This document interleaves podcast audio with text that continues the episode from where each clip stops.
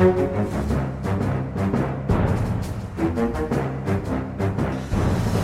da er vi tilbake med en ny utgave av Aftenpodden.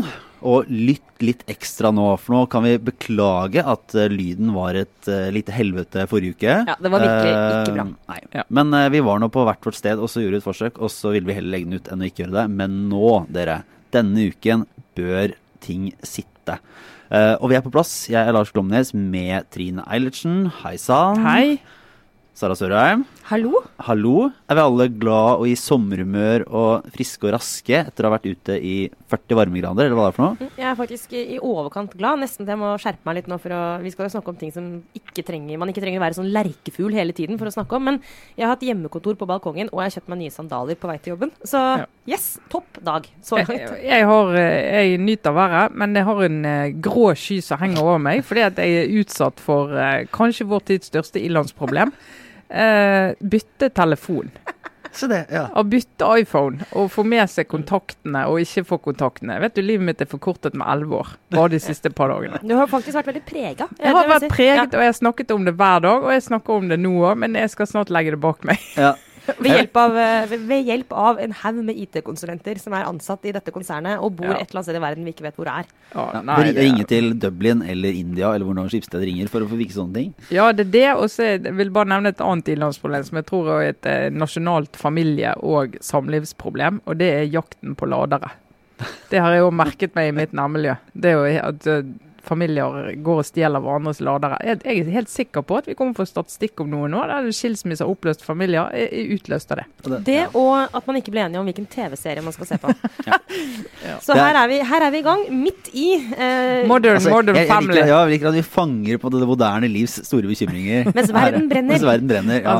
ja som sagt, eh, smått. Uh, nei, det, skal vel, det er jo faktisk en, eh, en norsk metoo-fri uke. Så for de som mener at vi har eh, vært nok innom det temaet i Norge, så kan vi gledes. Eh, men det blir litt metoo fra utlandet, da. Kobla opp mot en eh, populærkulturell eh, TV-serievirkelighet. Ja, faktisk. Det har vært det litt, som en liten teaser. Det er litt for drøyt å gå inn i sånn cold turkey på plutselig er vi ferdig med metoo. Ja. Så vi må ta en liten sving over dammen. Så blir det en runde i Sverige. Vårt er det favorittnaboland? Et av vårt, favoritt, et av vårt favorittland. Ja.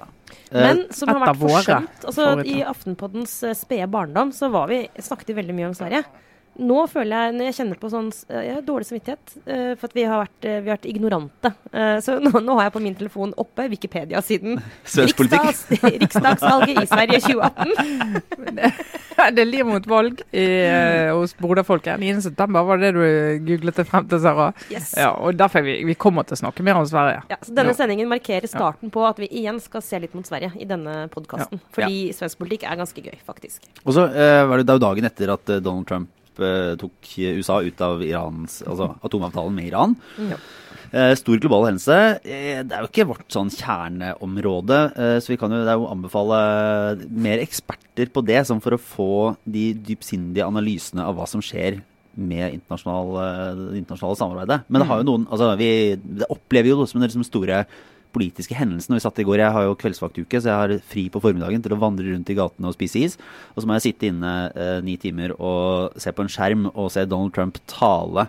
Ja, Hvordan var det?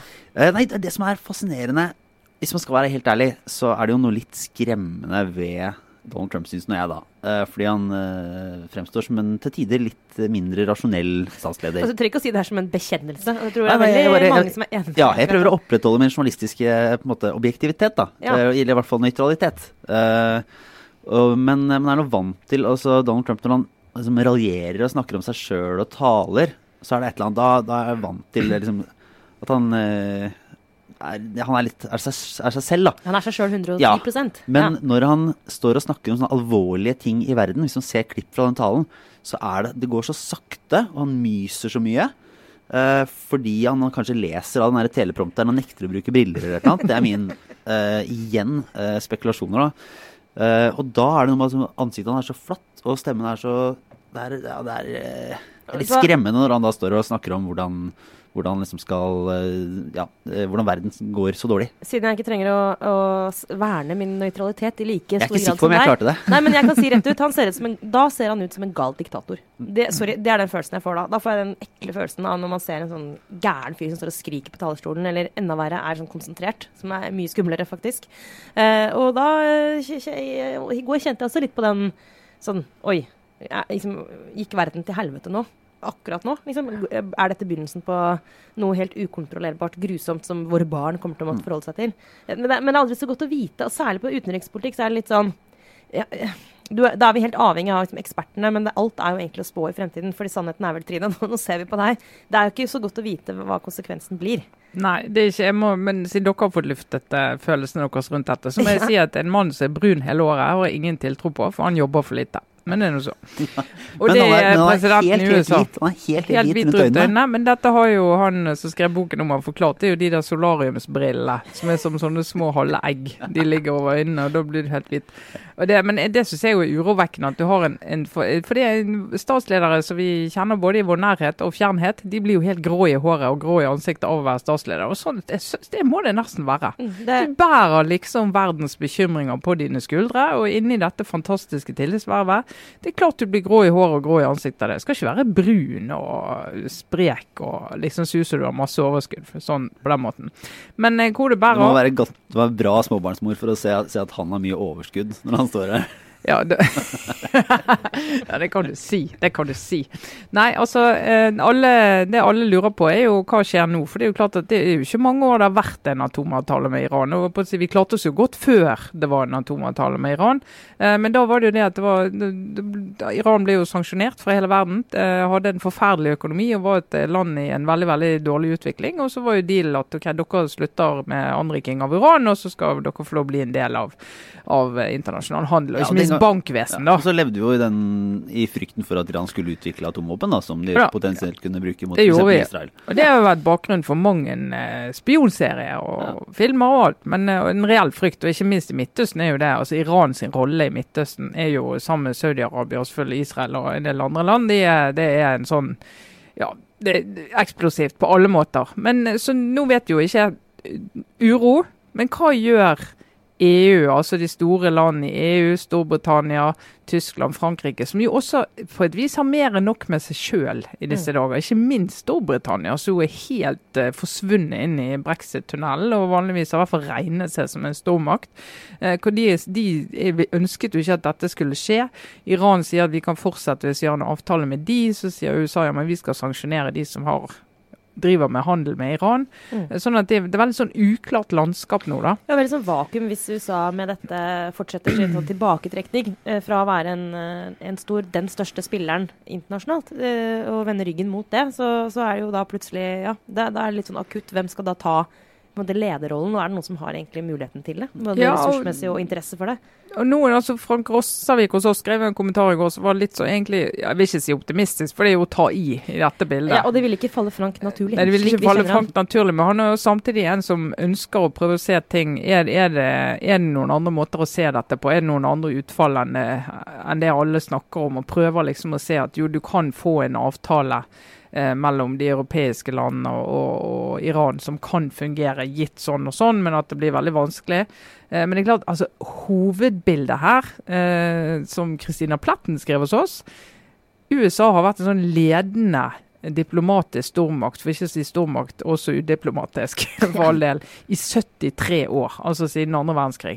Og har liksom vært en sånn påle i det internasjonale samarbeidet. Og har nå trukket seg ut av tre svære avtaler i løpet av veldig kort tid. Mm. Denne avtalen selvfølgelig, Parisavtalen, TTIP-avtalen. Så, så, USA var en veldig viktig pådriver for, for at du skulle få et handelssystem bort i Asia og demme opp for Kina. Bare trekker seg ut på, på kort varsel og tar et steg inn bort fra verden. da. Og det er jo det som egentlig den uh... Og så var Det vel mange, det er mange også demokrater egentlig som har sagt at avtalen med Iran i seg selv kanskje ikke var en, altså en genial avtale. Mm. I, i, på papiret så var det mange utfordringer med altså at, at Iran f.eks. ikke ble bundet lenger enn til å være 2030 med å, med å avstå fra å utvikle atomvåpen. men men så har de da tenkt at det er i hvert fall en avtale. Ting fungerer innenfor, et system. Ja, og, og, så minst... får man kritikk nå for at, eh, for at eh, tilsynelatende så har jo da Trump og Vitus avbrutt dette på et litt vilkårlig tidspunkt.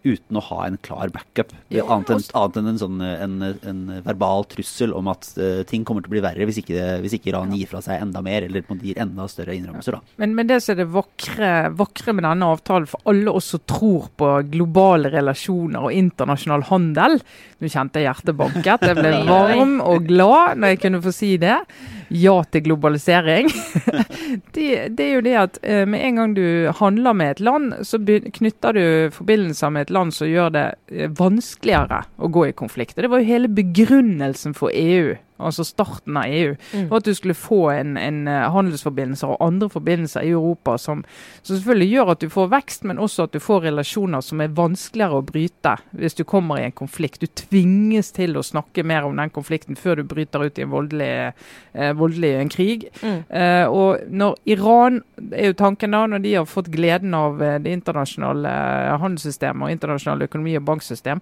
så sitter det langt inne å gi opp det for å gå inn i uranvirksomheten sin igjen, ja. er jo tanken nå at du da kan forlenge avtalen og liksom komme et, et sted på veien. da.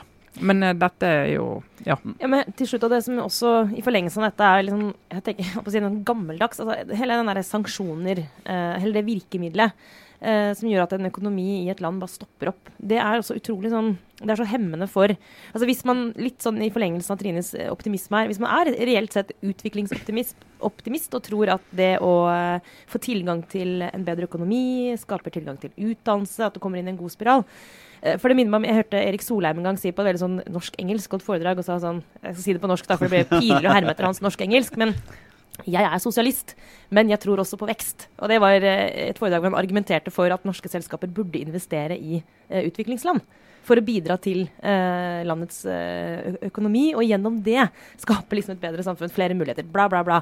Så er det liksom veldig sånn Det, det er noe sånn helt sånn forferdelig eh, lite produktivt, bokstavelig talt, men også overført, å tvinge et land inn i en økonomisk eh, tilbakegang igjen da, gjennom denne typen sanksjoner. Eh, og hindre masse folk i å få muligheten til å skape seg et bedre liv. Så uten å, uten å være helt sånn markeds-halleluja-person, eh, så tenker jeg at liksom det, jeg antar bare, med min ganske tross alt ikke så veldig gode kunnskap om Iran, men, men, at det er bra for Irans unge kvinner og menn at det landet kan, at det kan gå bra med dem. Sant? Så nå, nå blir jeg helt sånn Ja. Jeg tenker, eh, jeg tenker, at vi må bare få han fyren ut av Det hvite huset fort som mulig. Ja. Det tenker jeg kan være løsningen på det hele. så holder vi oss til den journalistiske ja. nøytraliteten her, da. Ja. Eh, jeg er nøye med å si at han ser litt rar ut når han snakker alvorlig. Ja, Men, ja, eh, ja. Nei. Eh, I Norge, da, så er det Hva var det? Vi leste opp her hva som er eh, mulig, hva som har vært på gang i norsk politikk. Mm. Det har vært altså denne ambulanseflysaken som har fått en del ting. Det har vært sånn Groruddals ungdomsvold i Oslo. Mm. Vold mot lærere? Ja, og så var det den ESA som skal ta en beslutning om eh, norske pappapermregler og likebehandling av mor og far. Hva var det du sa var fellesnevneren for dette, Sara? Ja, jo, jeg hadde litt altså, det er Fellesnevnet for disse sakene de er ganske kjedelige. Ja. Eh, de er faktisk saker, og ikke personalpolitikk. Eh, og det krever at man også da må faktisk lese seg opp, og ikke bare ha en sånn mening om menneskene som er aktører i saken. Så vi, det er ikke vårt spesial, Ingenting av dette er vårt spesialområde, kan du si. Eh, min, når det gjelder det med ESA pappaperm, så har jeg Nei, da kan jeg si dette høyt. Jeg, pilotfrue har termin eh, helt til slutten av juni. Og håper at barnet kommer ut først etter 1. juli, for da får pappaen lengre permisjon. Ja, for da trer den nye permisjonsregler i kraft. 14, ja, 14 ja. ukene tilbake. Men her, ja, han kan jo ta så mye perm han vil før det òg. Er det dette ESA skal uh, Nei, nei, nei ESA skal, det er jo opptjeningsgrunnlaget. Altså, Takk. Dagens regler sier at mor må ha vært i arbeid eller eh, noen andre typer aktiviteter, f.eks. studier, i løpet seks av de siste ti måneder før barnet ble født, tror jeg, for at eh, far skal ha rett på pappaperm. Ja, altså, på samme måte som ellers. Uh, og så er det en del. Men vi har vel, vi har vel egentlig konkludert at uh, dette ikke var noe som engasjerte oss nei, sånn enormt mye. Ikke så veldig. Og så er det en sånn sak som alle som er i opposisjon uh, mener at vi må endre på. Men som en gang de kommer i regjering, så er svarte det var dyrt. Det, vi gjør ikke ja. noe med det nå. For det koster 800 millioner.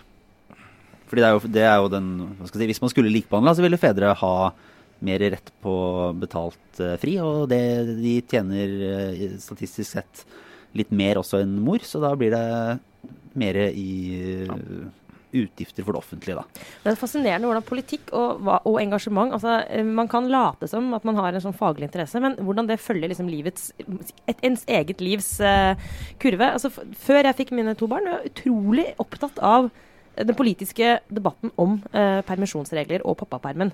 Og nå kjente jeg plutselig at nå plutselig ble jeg helt sånn Ja ja, de får holde på. Eh, og eh, jeg har fram til nå vært helt aktivt uinteressert i skole, skolepolitikk. Skolepolitikk har vært helt sånn Hei, det har jeg ikke klart å engasjere meg i, men nå som jeg snart har en skolestarter, så vips, så syns jeg det er interessant. Ja. Jeg liker rett å være helt ærlig om det. Men, ja. Eh, men, bare når det er sagt, så ingen skal kunne holde mot meg noensinne. Pappapermen er et fantastisk virkemiddel for likestilling, så den må uansett Det må ESA holde seg langt unna. Ja. Ja. Så ja, jeg vet ikke om ESA vil Nei, ESA tror jeg egentlig er på siden til de som vil styrke pappapermen. Hva sier du for noe record? Jeg vil bare, bare ha det loggført. At ja, det, dette ja. skal ingen få røre. Heller ikke ESA. I, i, liksom, eh, i det tilvenningen da, til faktisk politiske saker, så må jeg innrømme at jeg har gått, hatt en liten reise i den ambulanseflysaken. Uh, der jeg starta med det litt sånn eh, ja. Kan det Er det så farlig? Eller er det, altså, hva er det egentlig? Mm. Men den er jo litt interessant, da. Uh, hvis jeg skal ta ja, liksom, For den saken syns jeg vi skal bruke noen minutter på, Lars. Ja. Nei, for da er det jo at uh, de som driver med ambulansefly i Norge, det er i, stort, altså det er i veldig stor grad uh, pasienttransport. er vel ett av disse flyene som, som fungerer som, et, som, et altså, som, en ambulanse som rykker ut og henter syke folk i mer sånn akutt.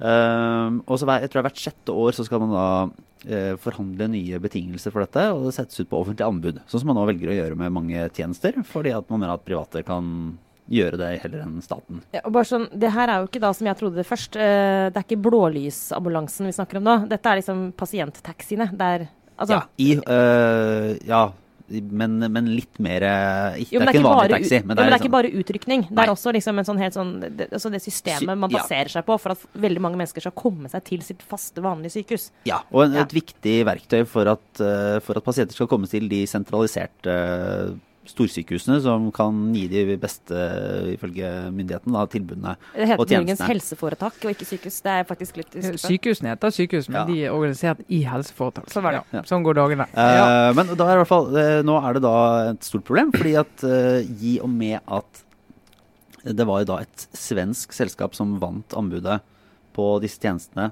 og etter planen skal ta over neste år, så Eh, har, eh, har, det blitt eh, baluba med disse pilotene fra før. Fordi det ikke er noen garanti om at de som har vært ansatt i den tidligere tjenesten, skal få fortsette jobbene sine i den nye. De blir ikke virksomhetsoverdratt, som det heter. Ofte er det jo sånn at når du disse, har disse anbudsrundene, så er det et nytt selskap som får det, men så følger av og til alle de ansatte med over med de samme betingelsene. Sånn at for de ikke det Altså de sklir bare inn i ny arbeidsgiver, de egentlig. Mens det har de ikke gjort her. Det var ikke en del av avtalen. Nei. Så de må faktisk egentlig De må søke på, søke sine, på jobbene, på jobbene, sine på nytt. Og forhandle om betingelser på nytt. Ja, og, og, her er jo da et, en viktig forskjell da, som pilotene og vet dere, Norges pilotforbund jeg merker, all, all, terminologien har jeg ikke helt inne. Nei. Uh, jeg syns du jobber bra med Du har gjort god research her, men uh, under huden kan vi ikke påstå at det er nei, nei, helt Nei, nei, men altså, Det er på en måte under huden, men jeg har ikke Det er ikke helt ute i fingerspissene. Men eh, altså, glem nå hva jeg ikke kan, da. Kan ikke bare konsentrere oss om det jeg har fått med meg. Jeg, jeg er imponert så langt, Lars. Ja. Kjør på. Nei, da, for, uh, for, poenget er at når, når uh, da helseforetak Altså når staten da, skal, skal reforhandle disse tingene, så kunne de jo da sagt at man har en virksomhetsovertakelse med samme, uh, samme arbeidsforhold. Det har de ikke gjort. Og dermed så kan jo de som har inngått kontrakten, tilby levere et anbud basert på lavere kostnader til de ansatte. Ja, De kan egentlig ansette hvem de vil. Kan de ansette svensker? De kan ansette det må du vel etter all formodning kunne gjøre. Ja. Og så har de da Det er, da, det er klart billigst, dette tilbudet. Men så var det sånn, nummer fire på kvalitet. Mm.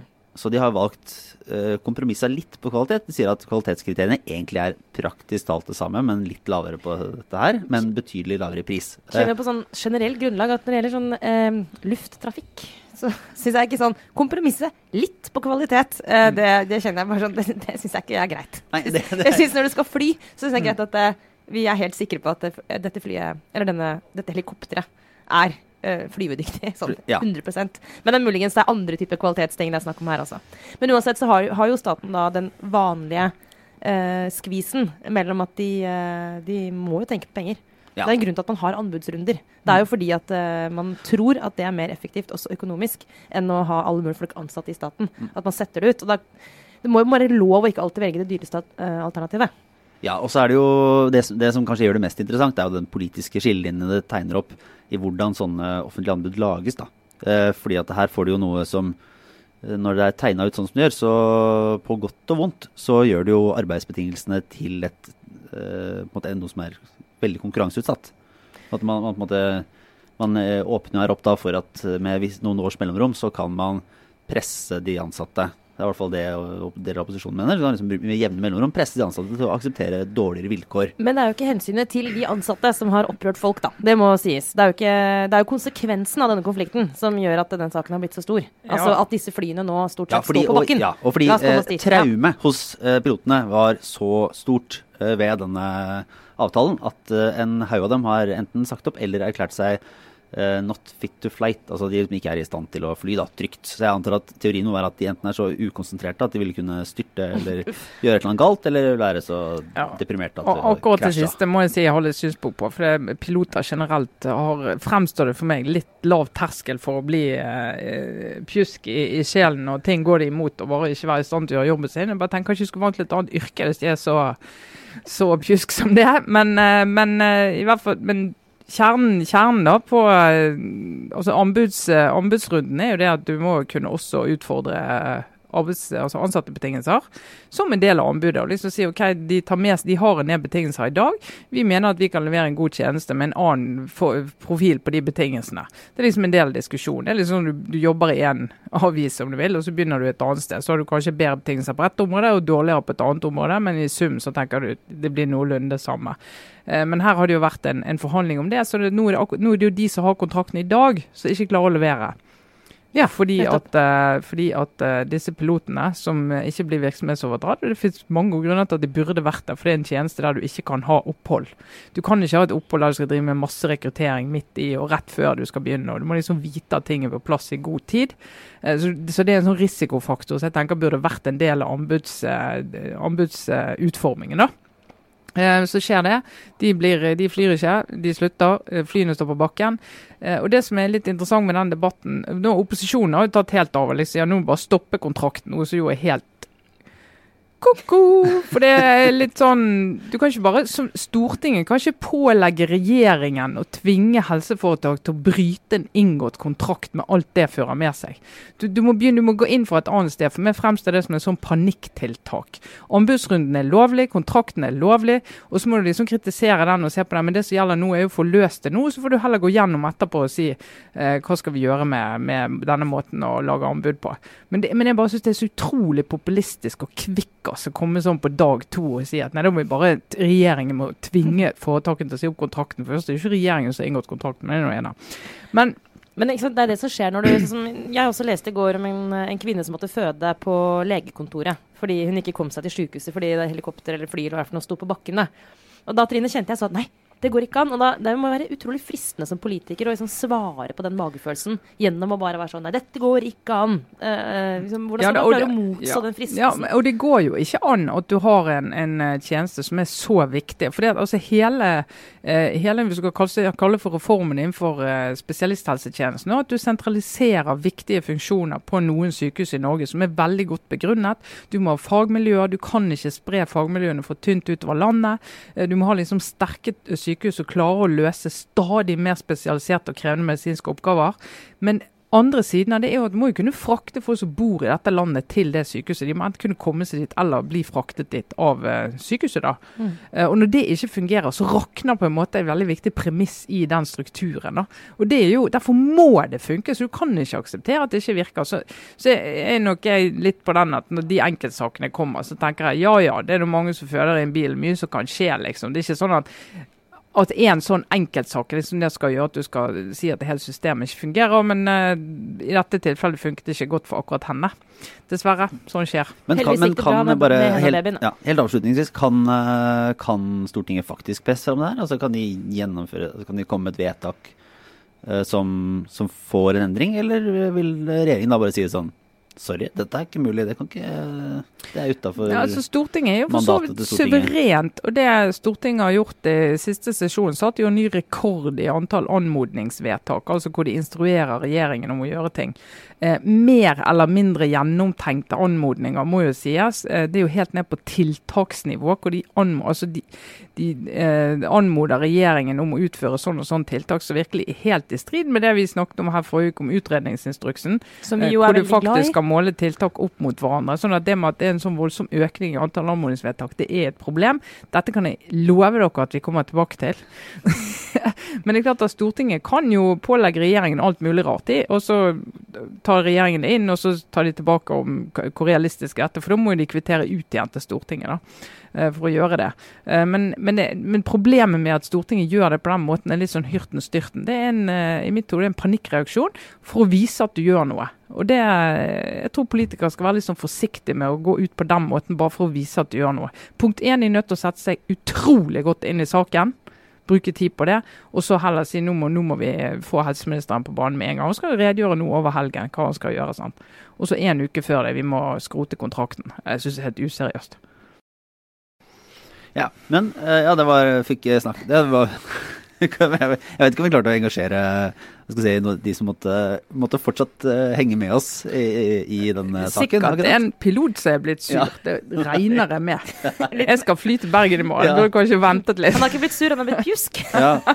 En pilot som sitter og er uh, fly ikke fit to flight, som sitter og hører på Aftenposten og forbanner seg. Men jeg beundrer ditt mot. Altså, det er jo som sagt det er noen yrkesgrupper man bare Det er greit å være venn med. Det, er de, med. det er de folka som sitter i i vakta eller resepsjonen der man jobber, og, og så er det bare piloter. Ja, ja, da, det, men eh, ja. jeg heier på pilotene. Det er ikke det. det, er ikke det. Jeg bare syns det er så påfallende at det blir så mange som blir sånn pjusk i, i viljen når, det, når de er i en sånn forhandling eller lønnstvist. Så tenker jeg at det er jo mange av oss som kan få mye å tenke på hvis du er i lønnsforhandlinger eller hva det måtte være, men at du ikke er i stand til å jobbe, det ja.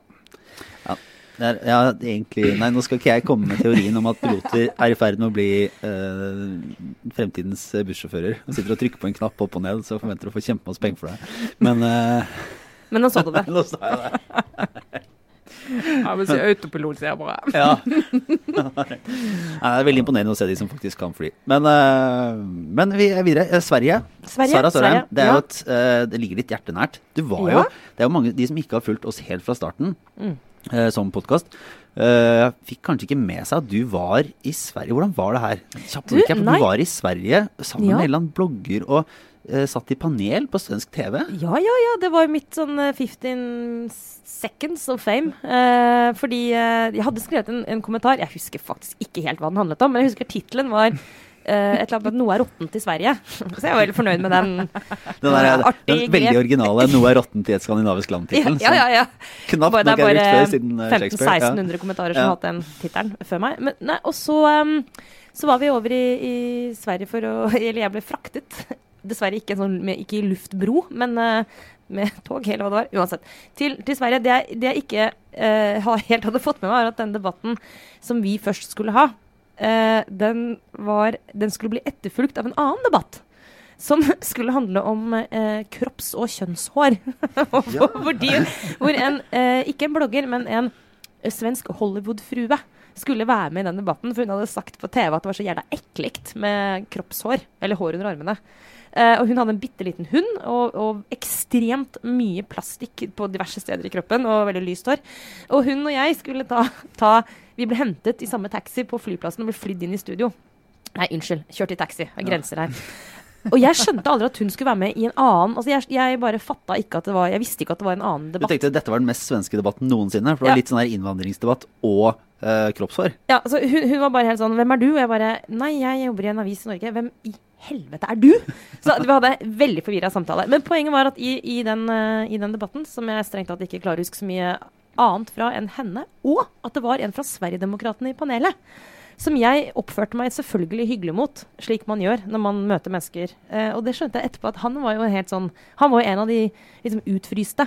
Han var en eh, sånn, Jeg satt ikke i ledelsen i partiet, men var talsperson for eh, en eller annen sak i Sverigedemokraterna. Uh, og det var ingen som snakket med han liksom på bakrommet før og etter debatten. Altså, det var ikke noe sosial kontakt, liksom. Så det var sånn lite, og skal ikke, Nå skal ikke jeg vurdere hele den svenske samfunnsdebatten ut fra mitt ene eh, lille Møte med én fra Sverigedemokraterna og en Hollywood-frue. Ja. Men, eh, nei, men i hvert fall det var starten, og, om, om, og, kanskje fortsettelsen, på et nært og kjærlighetsfullt eh, forhold du har til svensk politikk. Eh, ja. ja. Eh, ikke minst grundig. Ja. Nei, men jeg, jeg, må jo si at uh, det er ganske Altså Sverigedemokraterna er veldig interessant å følge fordi det er lett. Uh, og nå hopper man over mange nyanser her, men det er, jo lett å se for seg det som en parallell virkelighet til Norge. Uh, hvor du har et uh, høyreparti som i Sverige har vært holdt helt utenfor alle de på en måte voksnes lag. mens i Norge har du Fremskrittspartiet. Så, og nå må jeg bare si det nok en gang, at det, er forskjeller på Frp og Sverigedemokraterna. Så jeg mener ikke å slå de fullstendig hardt korn, men de er det mest høyrevridde partiet i hvert sitt land. I Norge har de vært inne i det gode selskap, stort sett, Frp. Og da har vi fått et mer ansvarlig populistisk parti. Mens Sverigedemokraterna fortsatt er utenfor. Fortsatt er en sånn eh, hva skal vi kalle det altså, de er, er det riktig å si pariakasta? Jeg vet aldri helt hva det betyr. Men uansett, da. Denne valgkampen som Sverige nå står overfor, blir det veldig interessant å se om det bildet fortsatt gjelder. Om de fortsatt kommer til å være eh, liksom, de ingen av de andre vil snakke med, eller om de kommer til å bli tatt på alvor av de andre store mm. partiene. For Det er ikke noe tvil om at uh, innvandring fortsatt er et stort tema som svenske politiske partier baler med. Ja, men også tema... og ikke helt klarer å få, få, orden på. For det, det, det, går jo gjennom på tvers, kryss og tvers av alle partier og alle konsentrasjoner nå. Ja, men de har jo hatt en uh, enda mye sterkere konsensus i Sverige på innvandringspolitikk uh, enn vi har hatt i Norge.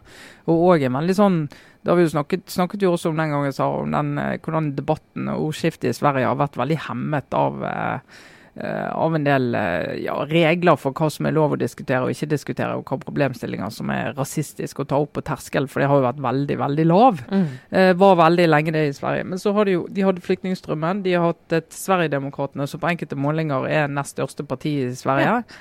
Uh, og har vokst opp, og det er blitt et parti de er nødt til å forholde seg til. Så det er klart det at det er bakgrunnen for Sverigedemokraterna. De har en del fascistisk eh, tankegods eh, i den tidlige eh, tidlig i tiden sin, som de eh, drasser på som en bagasje som norske Frp ikke hadde. Så de har en annen historie enn den norske Frp har. Ja, og, og Frp har brukt 40 år på, på, å komme inn i varmen, om du vil, og faktisk bli et regjeringsparti. Mens Sverigedemokraterna er et mye yngre parti. Uh, og Mange i Sverige vil jo si at ja, men herlighet, det tok 40 år før Frp kom inn i varmen i Norge. Da kan ikke forvente at vi skal ta et parti så tidligere med fascistiske røtter rett inn i varmen hos oss. Og Det kan de diskutere så mye de vil, men problemet er at det er blitt et veldig stort parti veldig raskt nå. Uh, er en dominerende faktor når de skal snakke om altså muligheten for politiske samarbeid og konstellasjoner i Sverige. Mm. Og de, og de, er, særlig for Moderaterne, da, så er Sverigedemokraterna Moderaterne har mistet mange mange velgere til Sverigedemokraterna. Uh, og de klarer ikke helt. De har fremdeles litt den med en gang. Og så har nye uh, Moderaterne-lederen Uffe Ulf Kristersson når han eh, sier at eh, jeg ønsker meg Det vi trenger, er et slags innvandringspolitisk forlik i Sverige. Så blir han jo skutt ned fra alle politiske hustak og liksom Er du helt gal? Du kan ikke snakke med de om innvandringspolitikk.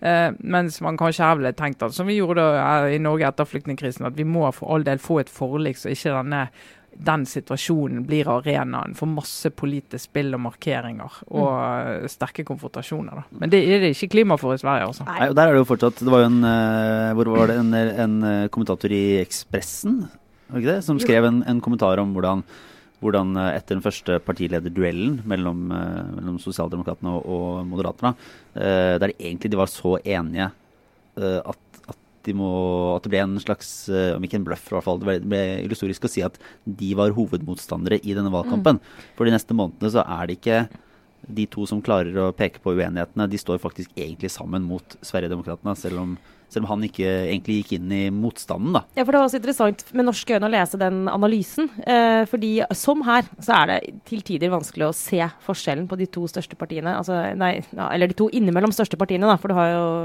Sverigedemokraterna som popper opp og ned. Men, men uansett, eh, de konservative og sosialdemokratene, eller moderaterne, da, de de er stort sett enige. Men de har gjensidig nytte av å erklære hverandre som hovedmotstandere.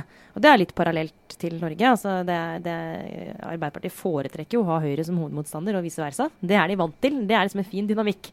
Uh, så denne kommentaren i Ekspressen gikk liksom gjennom hvordan det egentlig er et falskt bilde, og at det er, egentlig så foregår det meste i svensk politikk når, akkurat som i Norge, når de to partiene er enige. Og det er de stort sett. Men det jo han ikke nevner, er jo Sverigedemokraterna. Altså, ja, ja. Så, så, det er sånn interessant sånn metapoeng at heller ikke de politiske kommentatorene snakker om Sverigedemokraterna. Og det er sånn bare helt sånn vilt. For sånn, jeg ble helt sånn, men du, du, forteller jo bare halve bildet. Men det er vel et eksempel på at innvandringsdebatten måtte ha tatt over alt. fordi det er nok av ting altså, som Moderaterna og, og Sosialdemokraterna er uenige om. altså Se på utviklingen både under alliansen i Sverige med, med det som blir gjort av privatisering og skattekutt. er jo ganske radikal mm. høyrepolitikk. Uh, og sosialdemokraterne er jo ganske sånn trans sosialdemokratisk parti, men det var at alle de spørsmålene drukner fordi at det er en sånn diger elefant i rommet som måtte, tramper over alle andre politiske spørsmål. Med ja. en motpart som ingen egentlig fortsatt har lyst til å snakke verken med eller om. Og Hvis du, hvis du da også på en måte ser fugleperspektivet, så er det også sånn at ja, du finner også i Norge selvfølgelig, du finner saker hvor det er reell uenighet, men, men den, den skillelinjen i europeisk politikk nå, som går mellom hva skal vi kalle de for noe, de etablerte partiene, liksom styringspartiene, eller ja, altså de fornuftige partiene, om du vil, og eh, populistene. Det, du, kan godt, du, kan lett argumentere for at det er den reelle politiske skillelinjen i veldig mange europeiske land, også Sverige. Eh, og at det er der egentlig slaget står, og det er der velgerne liksom altså, det, er, eh, det, er, det, er, de to fløyene som nå står mot hverandre.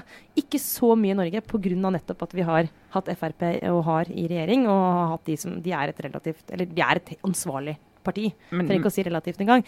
Men hvis du ser det bildet, så er det liksom mer og mer kunstig, den uh, liksom-fighten uh, mellom Moderaterna og Sosialdemokraterne. Ja, altså hvis det hadde vært et 8 %-parti, så kunne de ha isolert det. Men det er noe med at du må, altså, som politiker må du jo ta inn over deg at det partiet er en realitet. I Norge brukte de ti år på det, på borgerlig side, og si at OK, det er vondt og vanskelig, men det kommer ikke til å bli noe uh, ny regjering uten at Frp på en eller annen måte er med ordentlig.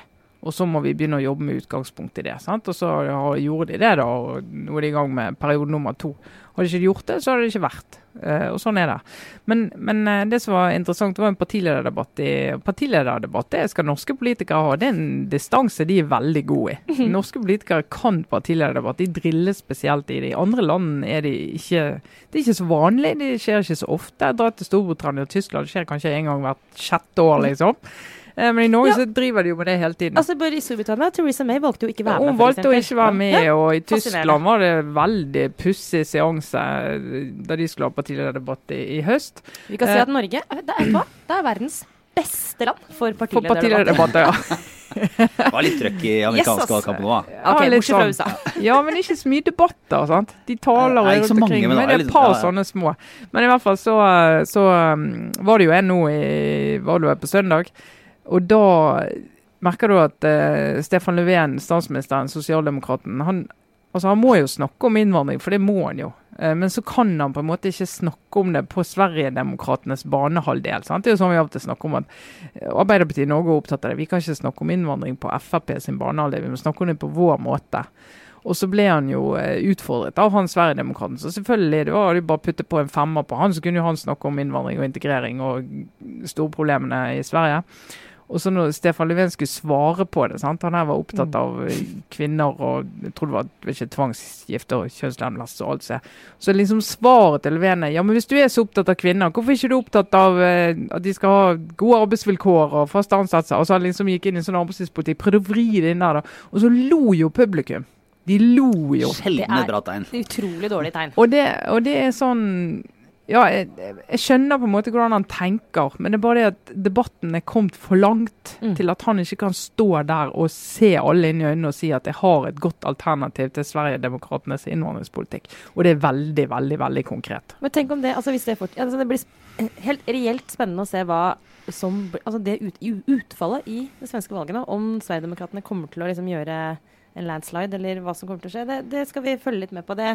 Og det vi kan være sikre på, er at uansett hva vi tror, så uh, ha, kommer ikke det til å skje. Mest sannsynlig. altså, det, det, kommer til å bli nok et sånt Er meningsmålerne på uh, Klarer de å fange opp tendenser? Uh, Men vi kan jo iallfall prøve så godt vi kan, som vanlig. Og henge med fram til ja. da 9.9., som er valget i Sverige. Og så kan Vi jo, vi kommer jo helt sikkert tilbake til men vi kan også anbefale en tidligere anbefaling av en svensk podkast som ja. er veldig, veldig bra, som heter Lilla Drevet. Som, uh, som tar for seg mye, sånn, mye svensk politikk og er, uh, er veldig gøy. Vet du, I går så hørte jeg på denne ukens episode, og da lo jeg høyt mens jeg var ute og jogga, fikk jeg sagt det. Eh, fordi de snakker om lederen i Moderaterna, som heter Ulf. Men Uffe. Bedre kjent som Uffe. Uh, og jeg tenkte faktisk mens jeg hørte på, uh, kunne vi snakket sånn om en norsk politiker, uh, som de gjør om han? for det er utrolig slemt og utrolig morsomt og veldig rett og slett underholdende å høre på. Så hvis noen av dere lyttere hører på Lilla Drevet, må gjerne sende oss en sånn diskré sånn Kunne vi ha snakket om en norsk politiker på den måten? Det, det er jeg usikker på. Men det er i hvert fall gøyalt, så det, jeg understreker ja. og, så det, det kan den anbefalingen. Være da en, kan henvise de som måtte være mer interessert videre inn i Lilla Drevet. Så vi kan legge ut en link på Facebook-siden. Ja. Nå tror jeg vi tar en liten kjapp runde på uh, TV-serien som ble virkelighet i uh, New York. Uh, du, før vi ja. går inn i litt obligatorisk refleksjon. Men vi, vi kan ta en liten sving. Håper evigheter. Ja, vi treng, vi, vi kan, den kunne vi snakket om Jeg kunne snakket om denne saken i timevis. Det skal jeg absolutt ikke gjøre. Vi kan legge ut den artikkelen. så nå, folkens, så får vi tre timer med Sara Sørheim om ja. denne saken. Men, Vær så god. Okay, men bare grunnen til det er selvfølgelig For det første er litt sånn vanskelig å slutte å snakke om metoo, så jeg er sånn takknemlig at det kom en sånn sak nå i USA. Men eh, den har så utfattelig mange sånne Altså, den takler inn i populærkultur og andre gøye ting. Bare liksom, for å starte med det, så er det, altså, det er en artikkel, en sak, i The New Yorker som er skrevet av ikke sant, selveste kan dere gjette? Den mest interessante journalisten i USA, pga. bl.a. at han er sønnen til Mia Farrow.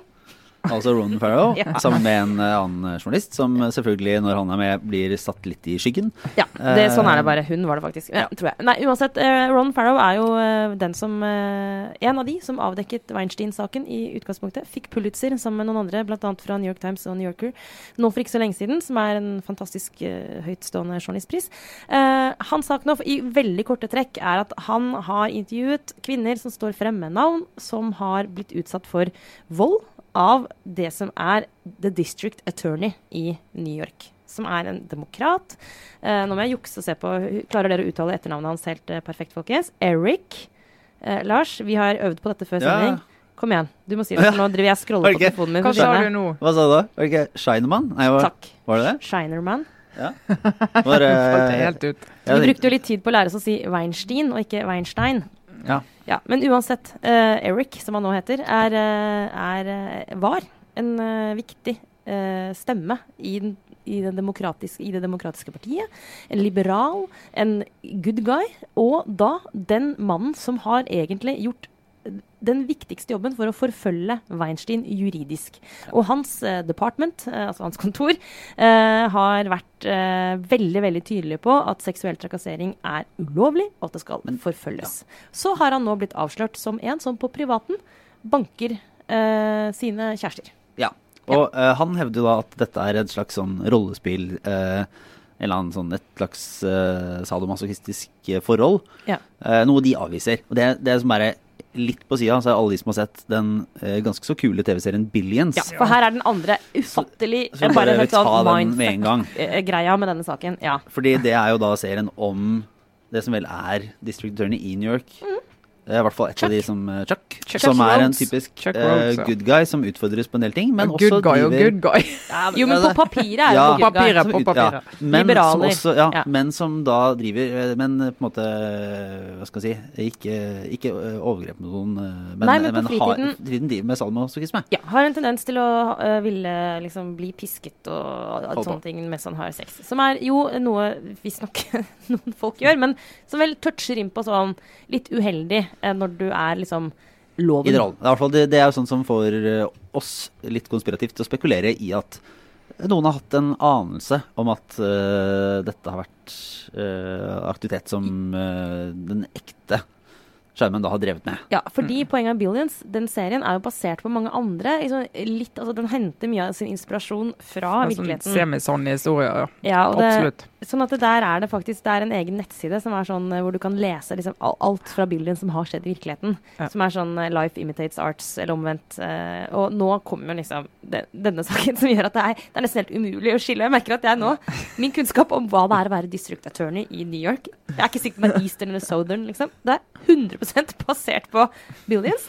Så det bare håper at det er en grei eh, fremstilling av hva det er å være distriktsattorney. Hvis man skulle gå litt mer eh, hva skal si, storpolitisk eller sånn prinsipielt inn der, så det, noe av det mest interessante er jo da at, eh, hva som skjer når en såkalt good guy, altså en som har vært demokratenes da liksom, fremste i kampen mot, uh, mot mye vold mot kvinner og andre ting, viser seg å være en, altså Det er ikke bevist at det er en skurk, men han trakk seg i hvert fall eh, tre ja. timer etter at denne saken ble publisert. Fordi han, han avviste anklagene, men mente at uh, det ville være for problematisk å fortsette uh, når dette hadde kommet ut. Mm. Og Historien er jo også at han ja, drikker altfor mye og bruker en del uh, beroligende stoffer. og i hele tatt er en, en drittsekk. Men mm. kampen hva skal man si, Disse kvinnene har jo ikke hatt Det blir nesten enda vanskeligere for dem når ja. den personen som utsetter dem for disse overgrepene, er en som omgivelsene og de selv egentlig ser på som en, en soldat i kampen for det gode. Ja, ja men det, det syns jeg det er, det er helt det er en, Hun ene kilden eh, til Ron Farrow sier jo at det var et problem for henne. Hun gikk til sine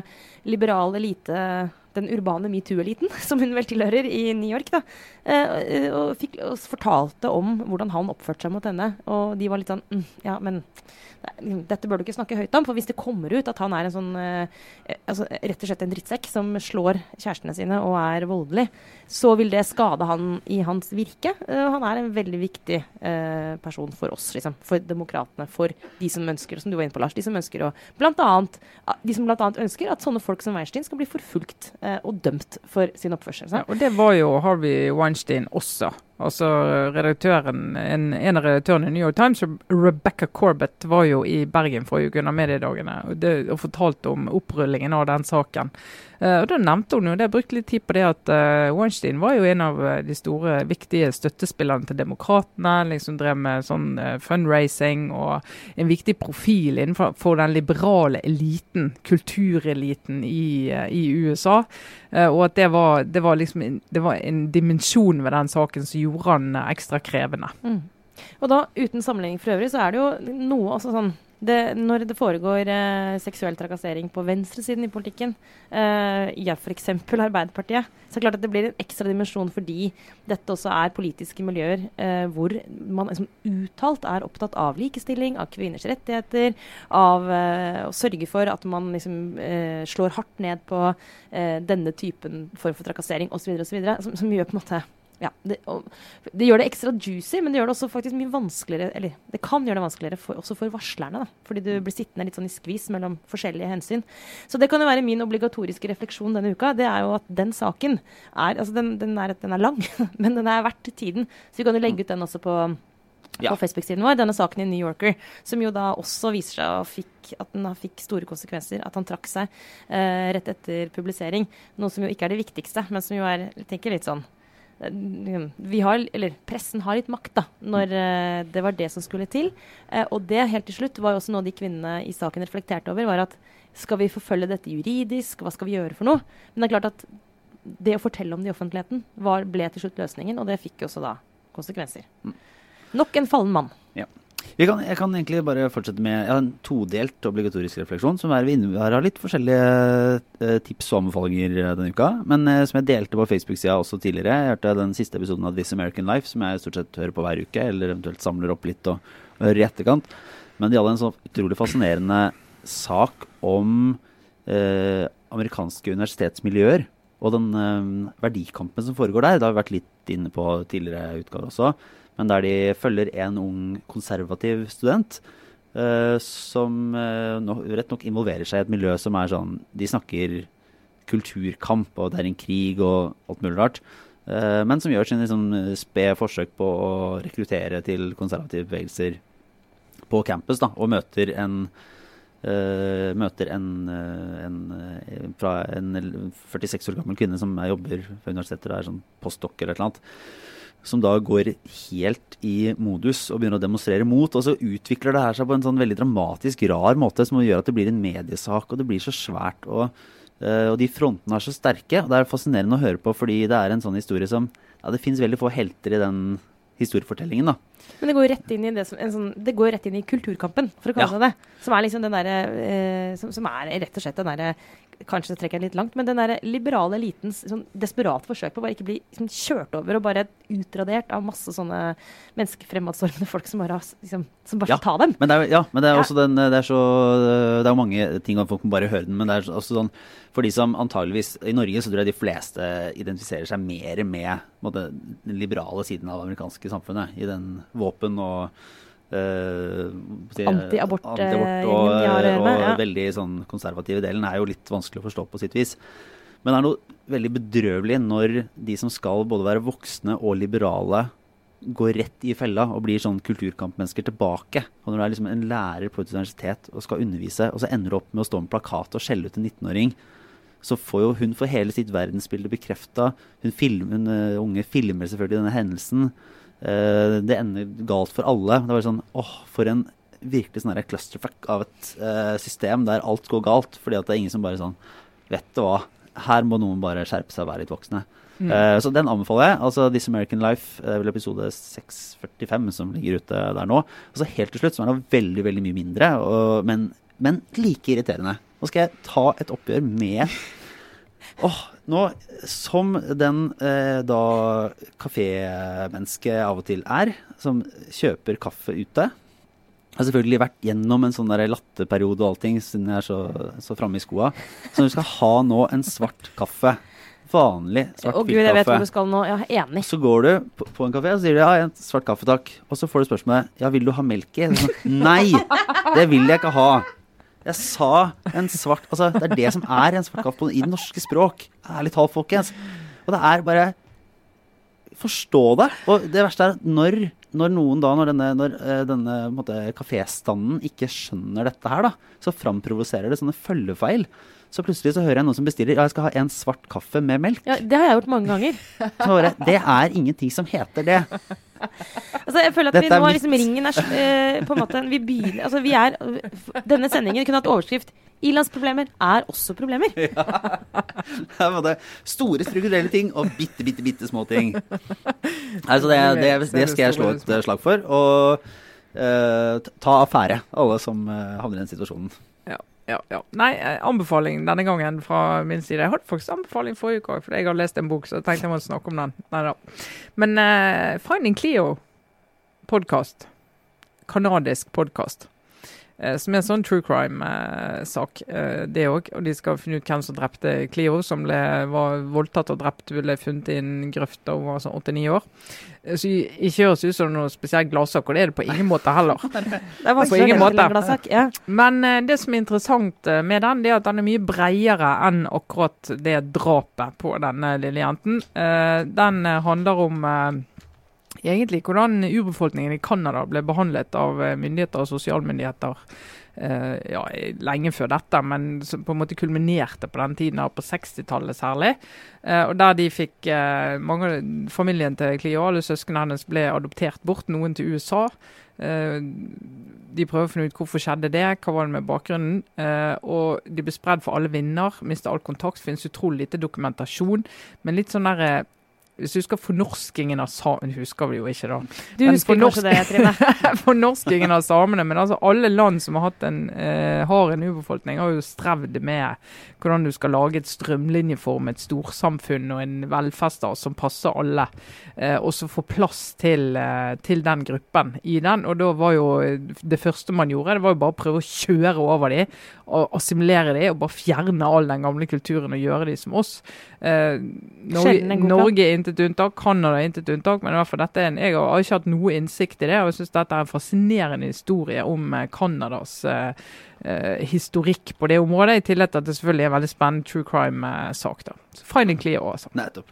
Nei, men da eh, runder vi vel av eh, for nå. Ut i sola for de som ikke skal jobbe hele kvelden.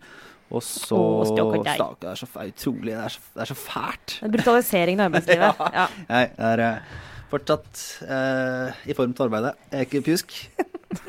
Så skal vi se at det går bra. Nei, men eh, vi er nå snart tilbake uansett. Men alle de tingene vi har snakket om, og tips og lesegreier, ligger ute på Facebook-siden. Så, så, det kan finnes der. Og det var vel det for denne uka. Det var altså Trine Eilertsen, Sara Sørheim og jeg, Lars Glomnes. Ha det bra. Ha det.